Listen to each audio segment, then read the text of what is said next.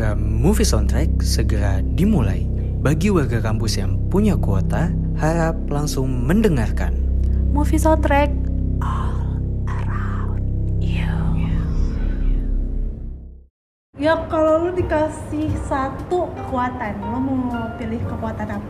kekuatan super gitu Ya terserah kekuatan apa pun itu. apa ya gue mau Ngerasain uas? Gimana? Gue mau aduh bingung kalau lu apa kalau lu Kalau gue mau banget baca pikiran orang. Karena gue mau lihat orang itu berpikir apa tentang gue. Ih, tapi Walaupun orang awam, orang stranger juga. iya sih tapi kayak lebih memungkinkan kita untuk sakit hati nggak sih karena kan lebih baik Iya nggak sih. tahu Iya sih, tapi gue pengen tahu aja. cuma kan kayak di hal-hal tuh sehari dia boleh kali. trial dulu ya nyoba dulu Enggak, tapi kan kayak di kondisi tertentu tuh kita emang butuh kayak dia lagi mikirin gua atau enggak sih iya, benar. tapi kalau gue kayaknya mau milih ini deh Sal gue mau bisa invisible ya nggak kelihatan gitu Menghilang. menghilang Suka ghosting lo ya? waduh kebongkar dong beda ya ini ghosting yang beda Ghostingnya gimana? gue pengen saat gue ngelakuin sesuatu ya udah gue nggak kelihatan nih gitu tapi yang positif ya Tapi kalau misalnya lo maling di bank gitu. Ya jadi buka dong ya pokoknya gue gunain hal itu untuk yang positif dong pastinya Kayaknya seru, lebih seru kayak kita mau bahas tentang superhero, superhero kali ya. oke deh nah, gue punya satu film yang judulnya Justice League. Tahu nggak?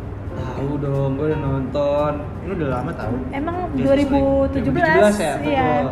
Nah, gue denger-denger nih penggemarnya Justice League ini eh, rada kecewa sih sama versi bioskopnya ini. Nah, Hmm. gue juga eh, pernah dengar rumor itu karena katanya banyak yang gak sesuai ekspektasi. Iya, gitu, benar. Nah, kan? Sehingga HBO Max tuh akhirnya memberi lampu hijau atas perilisan Justice League Snyder Cut yang memiliki nama resmi Zack Snyder Justice League.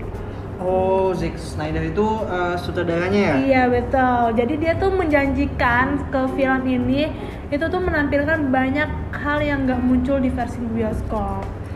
Denger-denger sih, Denger-denger yang sih. di cut 120 menit nih, yang di cut nih, yang, di yang cut. di-cut di film sebelumnya di Iya. versi bioskopnya. Dan pengen ditampilin 120 menit. iya bikin part Bikin film baru lagi ya? iya. nah akhirnya muncul lah nih di HBO Max Hmm. Kalau di HBO lo udah nonton Ah, belum, Belum. akan belum ah, tayang juga. oh iya dari Jadi, gue udah nonton sih trailernya udah sempat lihat di YouTube juga trailer dari uh, Zack Snyder uh, Justice League ini dan di film Justice League ini tadi kan udah lo bilang juga kalau banyak yang protes karena nggak sesuai sama Hmm. ekspektasi penontonnya iya betul karena ya si Zack Snyder ini kan di tengah pembuatan eh, di tengah proses pembuatan film Justice League sendiri dia akhirnya uh, memutuskan akhirnya mengundurkan diri karena ada uh, suatu masalah Iya. suatu musibah. Iya gue pernah denger juga tuh yang kayak gitu dan akhirnya digantiin sama itu uh, sutradara yang keduanya lagi. Iya sahabatnya sahabatnya gue lupa namanya karena lupa. karena kan sahabatnya dia banyak ya Iya. cuma satu jadi gue lupa gitu dia punya banyak temen ya Iya. banyak channel Yang gue ingat sahabatnya ini juga merupakan salah satu uh, sutradaranya dari Marvel ya, ya Avengers. Avengers gitu keren banget Nah sih itu karena dia ambil alih sama temennya itu, sahabatnya itu, akhirnya ya udah banyak yang diubah-ubah, banyak yang di-cut, ditambahin, bahkan yang di-cut tadi sampai 120, 120 menit. Kayak, waduh, Part 2 tuh. 120 menit. Bisa- baru lagi tuh. Iya.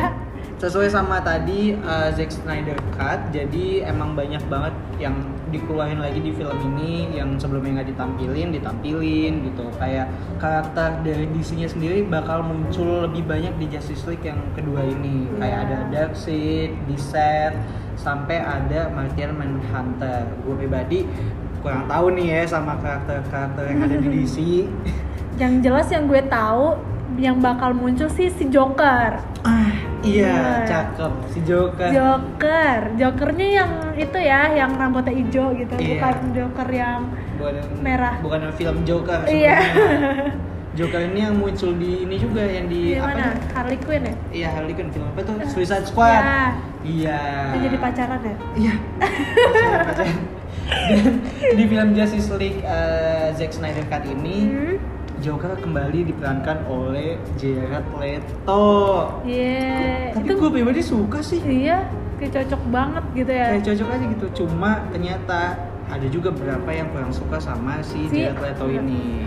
Jadi si Leto ini dapat banyak kritikan itu seputar kayak kurang memerani lah. Kurang mendalami Iya, gitu mendalami ya. si Joker kayak nggak cocok deh nih kata si penggemar-penggemarnya. Soalnya kan Joker tuh karakternya kayak yang dark banget gitu iya, kan. sedangkan dia kayak Eh, gitu deh, ya mm. kan.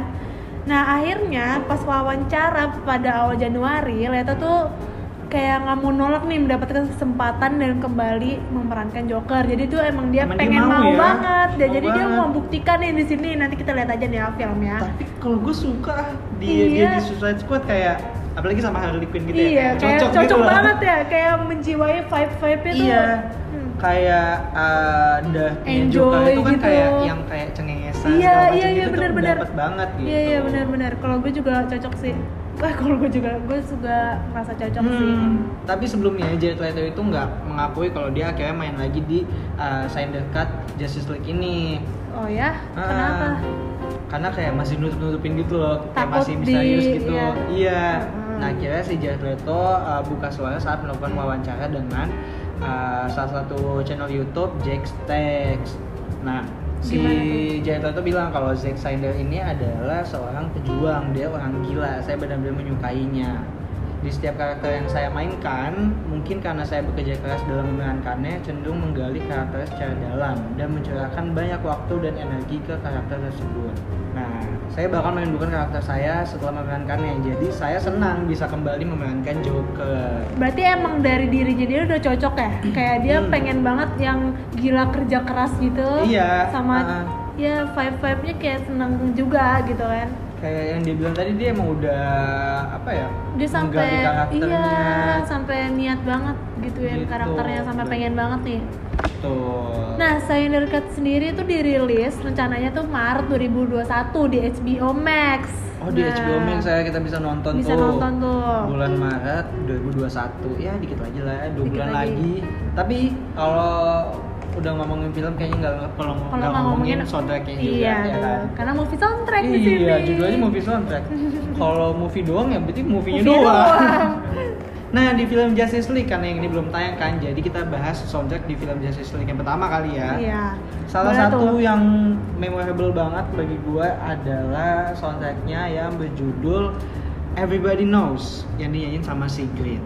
Oh iya, itu Kenapa? kenapa? Kenapa tuh emangnya? Karena eh, soundtracknya ini muncul pada saat opening scene, Opening. opening scene eh, Justice League yang pertama.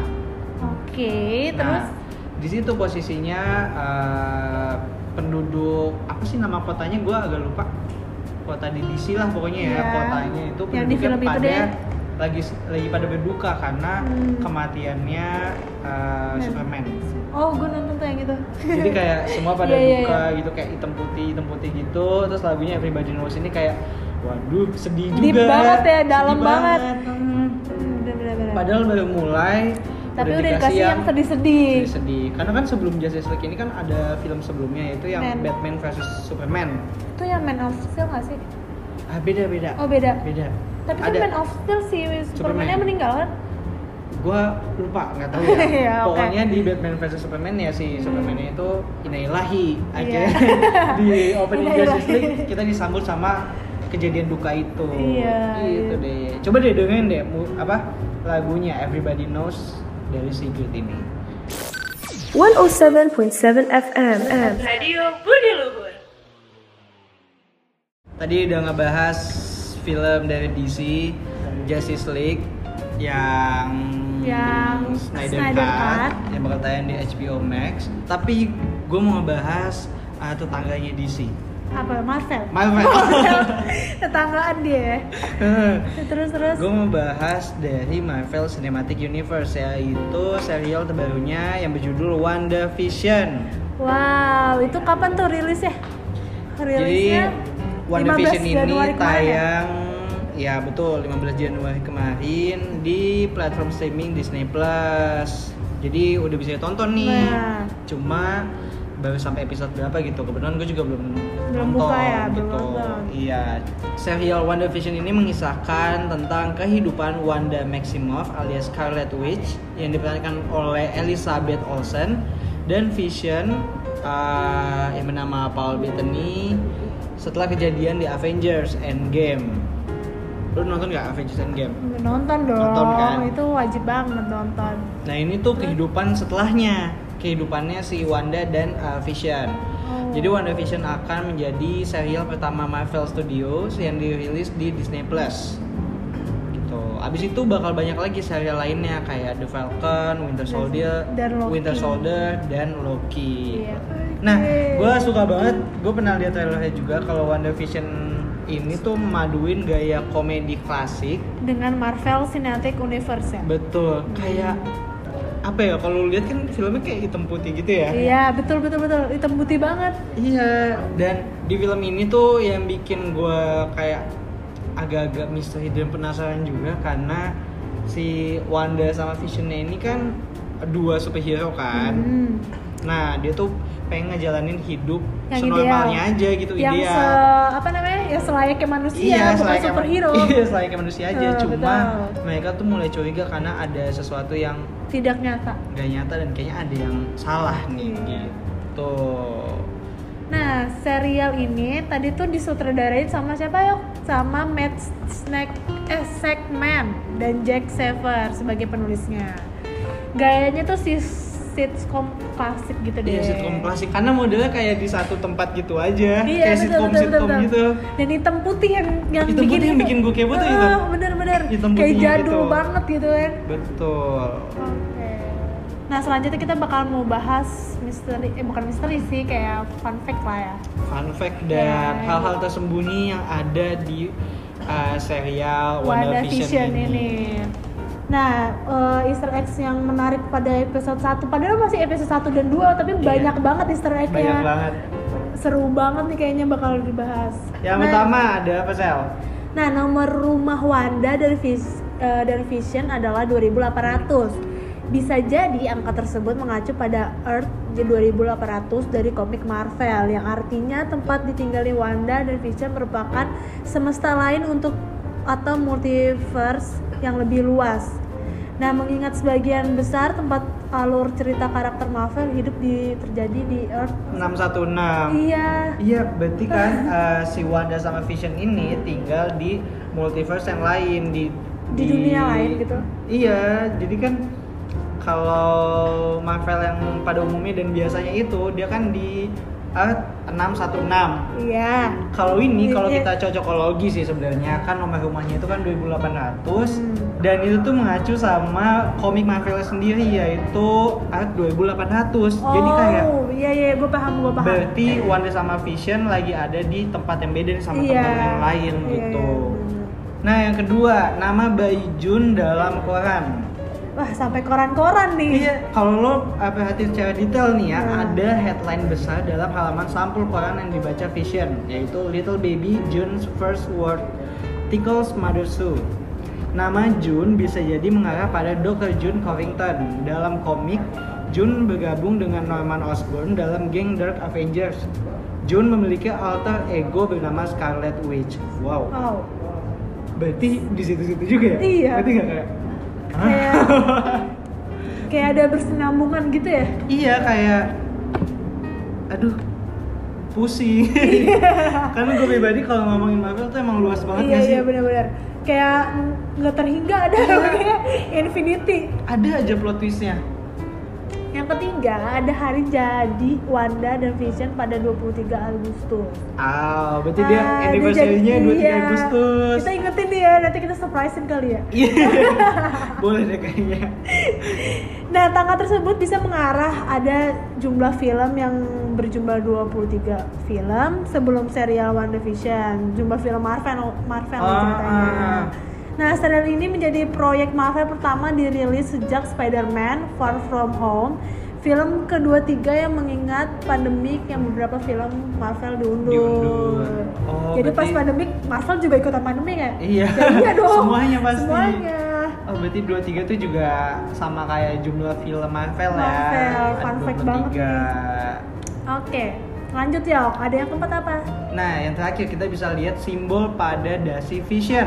Simbol, sampai Simbol. ke dasi-dasi. ya. Ini tuh banyak tadi banget simbol-simbol, iya bener. tadi sekarang dasi, Ah. tadi tuh nomor rumah. Aduh, aduh. Betul. Kan Nah, jadi simbol pada Dasi Vision itu ada pola berlian pada Dasi Vision mengingatkan pada jenis pakaian formal yang dikenakan Vision dalam komik The Vision karya Tom King dan dari artis Gabriel Hernandez Walta. Di komik, Vision mengenakan klip dasi berbentuk berlian yang mengingatkan pada pola di dadanya. Oh, jadi s- yang film itu di dadanya kan ada yang tiga Iya, gitu iya, ya yang kayak uh, kayak kesannya kayak nyawanya dia gitu Iya, loh. iya, benar-benar. Nah, nah, kalau di serial ini dia pakai dasi dan tetap ada logo kayak berliannya gitu. Oke. Yoga, Kenapa? gue bingung bosen, bete, suntuk, butuh hiburan. Ya udah, nonton film aja di sana. Aduh, bingung butuh referensi film yang bagus. Aduh Sela, jangan bingung. Bingung itu ribet, biar aku aja. Mendingan kamu dengerin movie soundtrack di websitenya Radio Budi Luhur. Tapi udah lewat jamnya nih, gimana dong? Gak masalah, kan bisa juga didengerin di Spotify-nya Radio Budi Luhur. Radionya generasi cerdas berbudi luhur. Sekarang ada berita baru nih dari Gal Gadot ternyata akhirnya dia film Heart of Stone ini diambil oleh Netflix. Betul. Yang mainnya yang perannya Gal Gadot rasanya. Gadot. Kenapa nggak gue aja ya? Ih, Kan gue mau. lu mau Wonder Woman yang lain. Lu tuh lagu Wonder Woman mulai oh iya tahu tahu. Gimana deh? Nah mungkin lu bisa kalau di Itu situ. bisa ya, ada Kalau kemungkinan. Wonder Woman yang ini kayaknya nggak bisa. Tapi kita nggak ngomongin Wonder Woman-nya, kita ngomongin Gal Gadotnya. Ah, jelasnya. iya, film terbarunya Gal Gadot Hmm. yang berjudul Heart of Stone tadi. Jadi Oke. akhirnya Netflix telah berhasil memenangkan hak untuk film thriller mata-mata dari Skydance Media berjudul Heart of Stone yang akan dibintangi oleh Gal Gadot. Nah, naskah film ini ditulis oleh Greg Rucka yang juga menulis The naskah The Old Guard gitu. Nah, Tom Hamper juga menyutradarai Wild Rose dan uh, The Iron Notes akan mengarahkan Heart of Stone. Jadi Gadot juga akan menjadi produser film ini bersama David Ellison, Dana Goldberg dan Don Great dan nah, masih banyak lagi deh. Iya, iya. Berarti, dia jadi produser juga dong? Iya, dia menjadi Berarti salah satu produser di film uh, Heart of Stone ini. Dia juga main. Dia juga gitu. main. Keren banget ya wanita berkarir. Widih. Tapi ya uh, detail dan plot tentang film ini masih belum banyak yang terungkap nih di internet atau masih menjadi misteri. Oh, Tapi jadi dirahasiain gitu ya? Hmm, tapi menurut Deadline, Heart of Stone akan menggambarkan sebuah petualangan yang mirip dengan James Bond dan Mission, Mission Impossible. Impossible. Nah, berarti emang ini film tuh beda ya sama film Gal Gadot sebelumnya yang superhero segala macam. Kalau ini lebih kayak mata-mata James Bond gitu. Kayaknya bakal seru sih. Soalnya Gal Gadot yang main nggak sih kayak pasti banget. Iya sih. Apalagi kan Gal Gadot abis aja Habis main, di Wonder Woman, yang kedua. Iya. Wonder Woman 1984 yang mendapat sambutan yang yang cukup, cukup baik ya, Hmm, yang baik dan dapat penggemar baru lah ya. Gue juga penggemar Iya. baru Gal Gadot. Ini Gal Gadot tuh cakep banget. Cakep gila. banget. Gila kayak gue ya. Kayak siapa? Kayak gue. gue gak mau jawab nah Dia- tapi selain film Heart of Stone ini dia juga bakal tampil nih di film selanjutnya yaitu Dead Dead. on the Nile yang kemu- yang kemudian akan diikuti oleh Red Notice, thrill aksi yang memasakkan Gal Gadot dengan Dwayne Johnson dan Ryan Reynolds. Gal Gadot juga sedang mempersiapkan film Cleopatra bersama dengan Patty Jackson untuk, Untuk Paramount. Paramount. Oh, banyak banget ya filmnya. Banyak banget ya. Kerjaannya Wanita banyak ya? Iya, dia sibuk kali ya. Dia pernah nongkrong gak sih? Eh jangan kan nongkrong. Dia pernah nggak sih nyuci piring? Kayaknya udah bukan kerjaan dia lagi kerjaan ya. Dia, dia habis makan ya udah gitu ya. Iya. Oke, sekarang kita udah masuk ke rekomendasi dari kita berdua nih. Betul. Nah, kalau dari gue sendiri, gue rekomendasi banget kepada warga kampus untuk nonton film Charlie Angel. Charlie Angels, gue nonton. Tapi Charlie Angels yang jadul apa yang 2019? Kalau gue yang 2019 aja ya, gue gak suka yang jadul-jadul, gue kurang suka yang jadul-jadul. Oh yang yang baru ya? Iya. Ah. Film ya betul tadi film di remake Anderson ini di remake dari tahun 2000-an. Kalau lo berarti sukanya tahun 2000-an ya? Iya, gue pribadi mm, lebih prefer lebih suka yang yang sebelumnya yang tahun Yang- 2000-an itu. Oke, jadi lebih jadul gitu ya. Iya, terus yang main kan masih Cameron Diaz, Drew Barrymore dan Lucy Liu. Nah kalau sekarang dia dimainin sama Naomi Scott, Ella Baliska dan Kristen Stewart. yang populer banget dengan aktingnya di film Twilight. Iya di Twilight. Naomi Scott kan yang main ini juga yang di Aladdin. Oh iya iya iya. Yang jadi ini, Yang jadi- jadi, jinnya. Iya. Bukan, jadi Jasmine. Jadi jangan kok iya aja sih.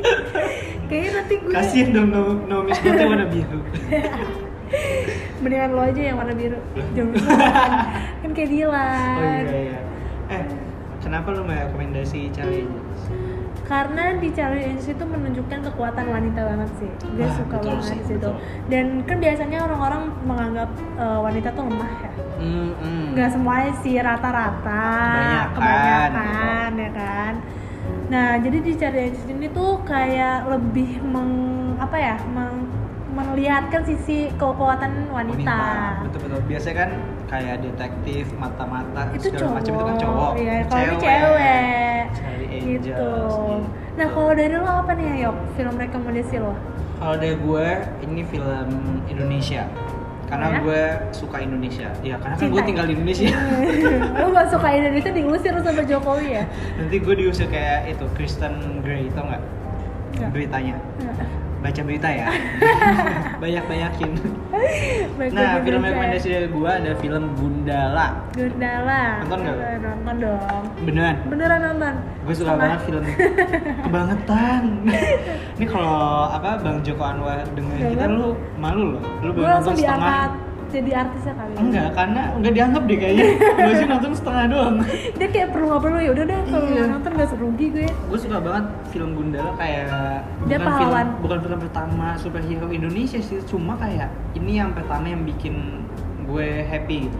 Ya walaupun kan di Gundala ini ya belum banyak CGI kayak di film-film DC atau Marvel tadi iya cuma ya dia lebih nunjukin ya inilah apa sih Karakter. berantemnya Indonesia Iya. silat gitu segala macem gitu iya iya bener-bener dan ya kayak suasana baru aja gitu di Indonesia ada film, film superhero hmm, gitu kan jarang banget biasanya kan Indonesia percintaan komedi ya Mhm. terus kalau yang Taylor Taylor juga The Raid ya Nah, betul Ah. betul. Nah, yang bikin gue seneng lagi, film Gundala ini menjadi awal dari jagat sinema Bumi Langit. wow Jagat sinema Bumi Langit tuh kayak MCU, kayak Iya, iya. Marvel Cinematic Universe. Jadi Hmm. berarti kan abis Gundala ini bakal banyak lagi film-film superhero lainnya nah gitu. betul 107.7 FM. Radio Budi Luhur.